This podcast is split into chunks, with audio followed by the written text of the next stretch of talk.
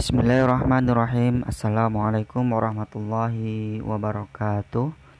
Alhamdulillahirrabbilalamin Wabihi nasta'inu ala umuri dunya wa din. Wassalatu wassalamu ala nabiyina mursalin Muhammadin ibni Abdullah uh, Baik teman-teman. Sudah lama kita tidak melanjutkan perkuliahan kita Jadi ada kurang lebih tiga kali pertemuan. Maka pada kesempatan hari ini saya akan menyampaikan dari materi pada pertemuan ke 5, 6, 7 dan sekalian penugasan untuk mid semester. Uh, baik, pada materi selanjutnya kita akan membahas tentang batasan ketaatan kepada pemimpin. Hadis yang berkaitan dengan ini yaitu hadis yang diriwayatkan oleh Bukhari dari Musaddad yaitu hadatsana Musaddad hadatsana Yahya ibnu Sa'id an Ubaidillah hadatsani Nafi'un an Abdullah radhiyallahu anhu anin Nabi sallallahu alaihi wasallam qala as-sam'u wa ta'atu 'alal mar'i al-muslimi fi ma ahabba wa kariha malam yu'mar bimaksiatin fa idza umira bimaksiatin fala sam'a wala ta'ata. Jadi matan hadis ini adalah as-sam'u wa ta'atu 'alal mar'i yang artinya adalah seorang muslim harus mendengarkan dan mematuhi uh, apa pun yang disukai dan dibenci dan yang dibencinya yaitu fi ma'ahabba wa kariha jadi harus mentaati uh, seorang uh, pemimpin baik itu dia suka ataupun tidak. Di sini ada catatan malam yukmar bimaksiatin yaitu selama tidak disuruh bermaksiat. Faida umi robbi maksiatin falasam awala ta'atan. Apabila diperintahkan untuk bermaksiat maka tidak boleh didengarkan dan dipatuhi. Itulah batasan kapan kita harus uh, taat kepada pemimpin. Jadi walaupun perintah itu terkadang kita tidak menyukainya ataupun pada saat kita menyukainya ya tetap harus ditaati karena patokannya itu bukan berdasarkan kita suka atau tidak suka tapi di sini adalah uh, lebih kepada kita diperintahkan untuk bermaksiat atau tidak Secara tahrid hadis ini diriwayatkan oleh Bukhari, Tirmizi dan Abu Dawud dan hadis ini sahih bisa dijadikan sebagai hujah atau landasan hukum. Dalam syarah hadisnya e, dijelaskan bahwa kepatuhan seorang rakyat itu terhadap pemimpin adalah mutlak. Nah, batas-batasannya itu adalah e, ketika diperintahkan bermaksiat atau tidak sebagaimana dalam surat An-Nisa ayat yang ke-59 juga disebutkan ya ayyuhalladzina amanu ati Allah wa ati rasul wa uli amri minkum. Hai orang-orang yang beriman, taatilah Allah dan Rasulnya dan kepada pemimpin-pemimpin kalian. Pemimpin di sini bisa menteri juga dalam arti itu. Kemudian karena patokannya adalah maksiat, maka apa cakupan maksiat itu? Di sini kita bisa menyimpulkan yang pertama adalah e, perintah yang sifatnya itu ada unsur porno aksinya, pornografi at atau korupsi. Kemudian maksiat itu juga mencakup ketika tidak memegang prinsip-prinsip kejujuran. Kemudian maksiat juga mencakup tentang tidak lagi berpihak pada kepentingan rakyat kecil. Dalam hadis riwayat Bukhari Muslim disebutkan anba ya ana ala sam'i wa ta'ati fi mansyatina wa makrohina wa usrina wa yusrina wa asaratin alaina wa alla nunazi al amro ahlahu qala illa antarau kufran bawahan indakum minallahi fihi burhan. Bahwasanya kami ubadah dan samit dalam hal, hal ini yaitu berbaiat kepada Nabi untuk selalu mendengarkan dan taat baik dalam suka maupun benci, sulit maupun mudah. Kemudian beliau juga menandaskan kepada kami untuk tidak mencabut e, suatu urusan dari ahlinya.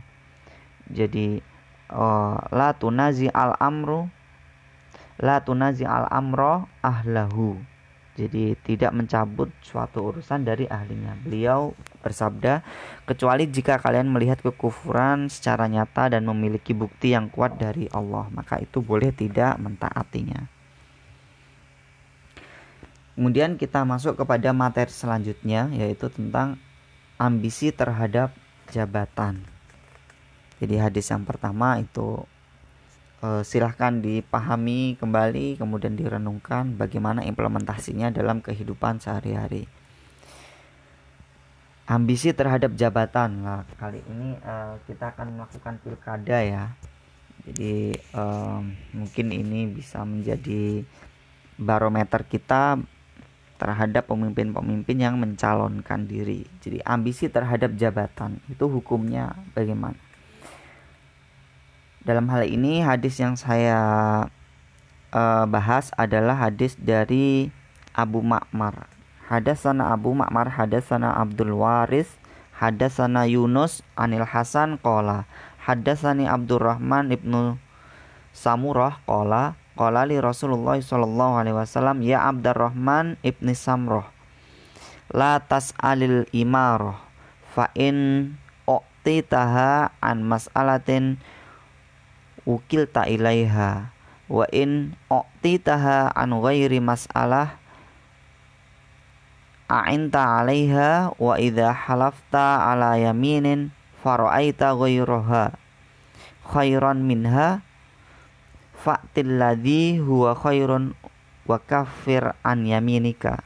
Jadi hadis ini uh, matanya kalau kita terjemahkan adalah janganlah kamu meminta jabatan janganlah kamu meminta uh, jabatan. Ya Abdurrahman latas alil imaroh jangan kamu meminta jabatan. Latas alil imaroh sebab jika kamu diberi jabatan dengan meminta maka kamu akan ditelantarkan. Dan jika kamu diberi dengan tanpa meminta maka kamu akan ditolong.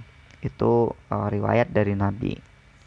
Dan jika kamu melakukan suatu sumpah lantas kamu e, melihat selainnya lebih baik, jadi kamu bersumpah tetapi melihat yang lainnya lebih baik, maka lakukanlah yang lebih baik dan e, bayarlah kafarat sumpahmu. Artinya ya kalau setelah sumpah kamu melihat ada pemimpin yang lebih layak, maka lebih baik membayar sumpahmu itu daripada melanjutkan kepemimpinan itu. Itu menunjukkan bahwasanya memang pemimpin itu harus dari hasil musyawarah dan berambisi untuk menjadi pemimpin itu sebenarnya tidak dianjurkan gitu karena yang melihat potensi kita itu ya orang lain dalam takrit hadisnya ini berkualitas sahih karena diriwayatkan oleh Bukhari, Muslim, Abu Dawud, Nasai dan juga Darimi. Syarah atau penjelasan hadis dari uh, materi kali ini yaitu dijelaskan juga pada hadis riwayat Muslim dari Abu Zar Al-Ghifari Wahai Rasulullah, tidakkah Tuhan menjadikanku sebagai pemimpin? Mendengar permintaanku itu, beliau menepuk pundakku seraya bersabda, Ya Abdar inni araka dhaifan wa inni uhibbulaka ma uhibbu li nafsi fala ta'amaranna ala alasnaini wala tawallayanna malayatim. Jadi uh, jadi ada di sini Abu Dar dia bertanya kepada Rasulullah kenapa kok nggak aku aja yang jadi pemimpin intinya gitu. Nah, Nabi menjawab dengan menepuk pundaknya ya Budar aku melihatmu adalah orang yang lemah gitu. Dan aku suka bagi dirimu apa yang aku suka bagi diriku sendiri. Jangan menjadi pemimpin walau terhadap dua orang dan jangan menguasai harta anak yatim gitu. Kemudian juga disebutkan eh, dalam hadis riwayat Bukhari dari Abu Hurairah sesungguhnya kalian nanti akan sangat berambisi terhadap kepemimpinan. Padahal kelak di hari kiamat ia akan menjadi penyesalan. Ini apa ya? Nabi itu kan mempunyai kelebihan juga e, mukjizat juga. Jadi bisa menceritakan masa yang sudah lampau karena memang apa yang diucapkan Nabi adalah tidak berdasarkan nafsunya tapi dari wahyu Allah Subhanahu wa taala. Jadi bisa uh, kalau istilah sekarang menerawang apa yang sudah lampau dan menerawang apa yang akan datang. Kenapa bisa? Karena apa yang diucapkan ya memang yang maha pencipta dan yang bisa menentukan apa yang akan terjadi. Dalam matan hadis ini dari Ahmad bin Hajar itu disebutkan ambisi untuk memperoleh jabatan menjadi pemimpin merupakan faktor yang mendorong manusia untuk saling membunuh, merampas harta sesama, menghalalkan simbol-simbol harga diri wanita, dan itu semuanya sebenarnya diharamkan oleh Allah sehingga terjadi kerusakan yang merajalela di permukaan bumi. Kemudian kalau gimana kalau sistem kita memang harus mencalonkan diri, maka kalau kita ditunjuk oleh misal parpol atau diangkat oleh masyarakat ya kita harus mengindahkan dari faktor-faktor yang negatif itu tadi. Misal membunuh, merampas harta sesama. Jadi dalam suksesi ke, uh, pencalonan kita jangan sampai kita melakukan hal itu. Nah, itu merampas harta, menghalalkan simbol-simbol harga diri wanita sehingga banyak madorot yang terjadi. Baik, sebelum saya menjelaskan tugas, maka saya akan jelaskan materi yang selanjutnya dulu. Jadi materi yang ketiga pada sesi ini yaitu syarat kepemimpinan itu apa? Yang pertama adalah adil. Yang kedua adalah tanggung jawab. Kemudian eh, yang ketiga sifat Quraisy. Dia memiliki sifat-sifat kekuraisyan. Apa itu nanti kita bahas. Kemudian yang keempat adalah ketaatan. Nah, sebenarnya dari uh, ambisius tadi kita bisa membatasi bahwasanya kategori ketika kita tidak berambisius maka kita bisa memilih pemimpin yang memenuhi syarat kepemimpinan. Yang pertama adalah adil yaitu uh, saya bacakan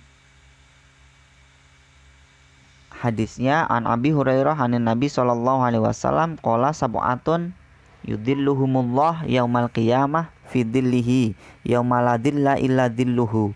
Imamun adilun wa syabun nasa uh, nasa'a fi ibadatillah wa rajulun dzakarallahu fi khala'i fa fafadat fafadat ainahu wa rajulun qalbuhu mu'allaqun fil masjid wa rajulani tahabban tahabba fillahi wa rajulun da'athu imra'atun dhatu munsibin wa jamalin ila nafsiha qala inni akhafullah wa rajulun tasaddaqa bi sadaqatin fa akhfaha hatta la ta'lam simaluhu ma sonaktu yaminuhu dari hadis ini kita sebenarnya ingin menyampaikan bahwasanya adil seorang pemimpin yang adil itu menjadi uh, bagian dari tujuh golongan yang dilindungi oleh Allah dalam perlindungannya di hari kiamat nanti. Nah, yaitu penguasa yang adil, pemuda yang tumbuh dalam keridoan e, beribadah kepada Allah, seorang yang selalu mengingat Allah dalam kesendiriannya sampai meneteskan air mata.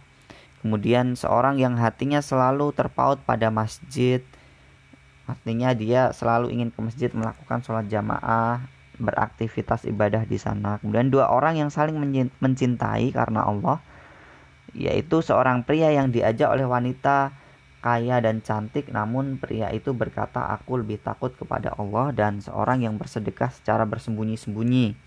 Itu juga termasuk pada tujuh golongan yang akan mendapatkan perlindungan di hari kiamat, sehingga tangan kirinya tidak mengetahui apa yang telah dilakukan oleh tangan kanannya. Jadi pemimpin yang adil itu masuk ke dalam hal itu. Dengan demikian, uh, hadis ini memberikan pemahaman kepada kita bahwa penguasa yang berlaku adil akan mendapat perlindungan di uh, hari kiamat dan juga mendapatkan kebaikan-kebaikan dari Allah Subhanahu wa Sebaliknya ya pemimpin yang zalim akan uh, merasa kesulitan kelak di yaumul kiamah karena uh, kelakuan kejahatannya itu. Nabi juga bersabda atau berpesan kepada Ali bin Abi Thalib, "Idza taqadha ilaika rajulani fala taqdi lil awwali hatta tasma'a kalamal akhir fasaufa tadri kaifa taqdi." Apabila ada dua orang laki-laki yang meminta keputusan kepadamu, maka janganlah engkau memberikan keputusan kepada laki-laki yang pertama sampai engkau mendengarkan pernyataan dari laki-laki yang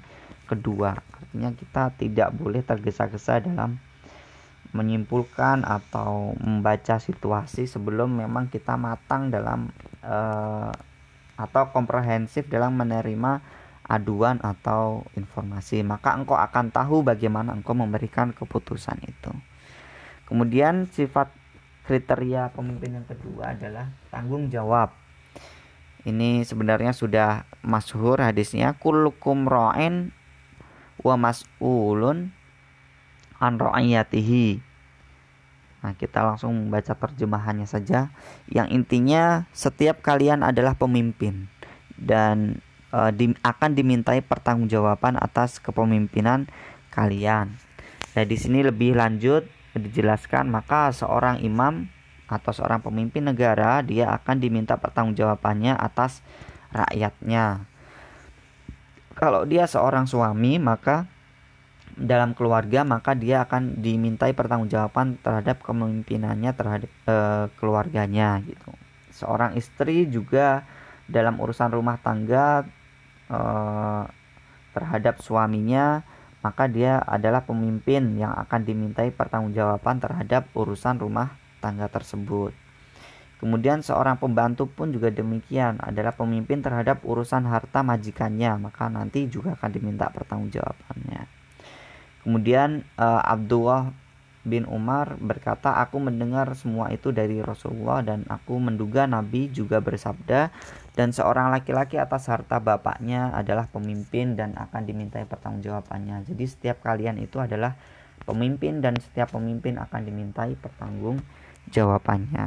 Itu Nabi menjelaskan secara detail contoh-contohnya tergantung posisi kita sebagai pemimpin terhadap rakyat atau pemimpin dalam keluarga atau pemimpin terhadap uh, kuasa rumah tangga yaitu istri kemudian atau uh, anak ketika diamanahi harta orang tuanya Jadi penjelasan hadis ini menganjurkan agar setiap pemimpin masyarakat, keluarga dan rumah tangga itu mampu bertanggung jawab terhadap apa yang memang jadi tanggung jawabnya. Nah, dalam skala yang lebih besar, seorang pemimpin negara harus bertanggung jawab atas rakyatnya. Tuh. Kemudian yang ketiga adalah sifat Quraisy. Sifat Quraisy itu apa? Jadi di sini matanya berbunyi al-a'immah min Quraisy. Idas uh, idas turhimu rahimu wa idza ahadu wafau wa idza hakamu adalu faman lam yaf'al dzalika minhum fa alaihi laknatullahi wal malaikati wan nasi ajmain. Jadi di sini sebenarnya nah, hadis ini ingin menunjukkan bahwasanya orang Quraisy itu suku Quraisy itu memiliki karakter khusus di antaranya adalah uh, ini jika berjanji dia selalu menepati ya kalau Quraisy kafir Quraisy ya walaupun janji itu berupa keburukan ya pasti dia akan menepati. Tapi kita melihat eh, pada sifat menepati janjinya itu. Jika disayangi mereka akan menyayangi. Nah itu karakter orang Quraisy jika menghukum mereka adil. Dan Nabi juga termasuk pada uh, keturunan suku Quraisy Siapa di antara mereka yang tidak bersikap seperti itu maka ia akan mendapat kutukan Allah, malaikat dan seluruh umat. Jadi sebenarnya di sini lebih kepada esensi karakter orang Quraisy itu. Jadi bukan harus keturunan Quraisy tapi yang non Quraisy pun boleh dipilih tapi dengan catatan e, ada karakter-karakter Quraisy di dalam dirinya. Jadi kita lebih kepada karakternya itu yaitu memiliki rasa kasih sayang, kemudian menepati janji dan berlaku adil. Baik untuk kriteria pemimpin yang keempat adalah ketaatan, yaitu hadasana abd e, langsung saja ke matanya.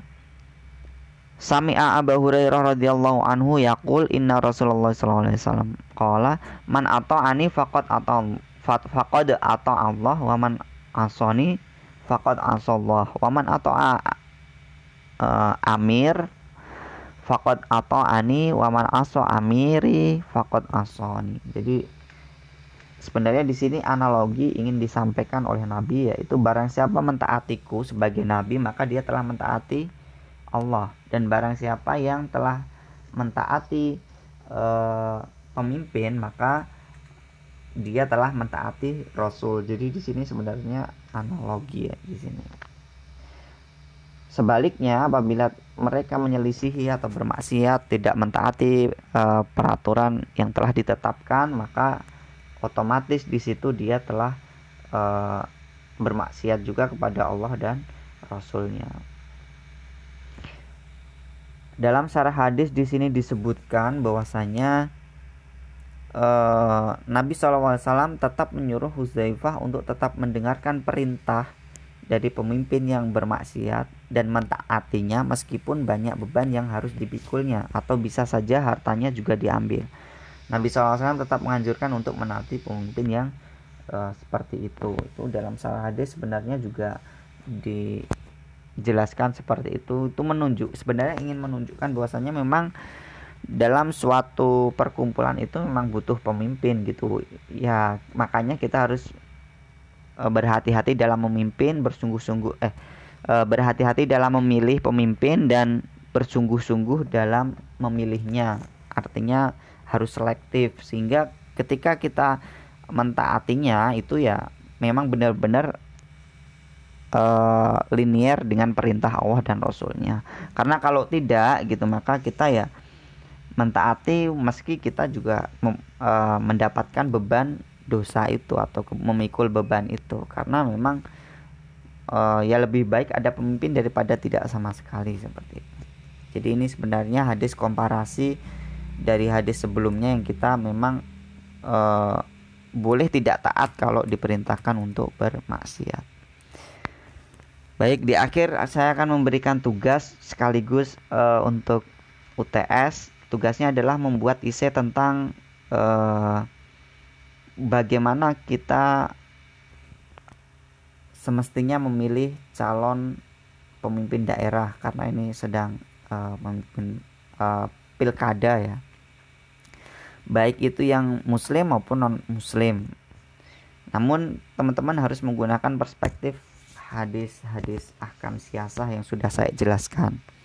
Nanti penilaiannya jumlah hadis yang ditampilkan itu ada berapa untuk menganalisanya. Kemudian menampilkan takrit hadisnya, kualitasnya, kemudian menjelaskan setiap hadis yang dipaparkan.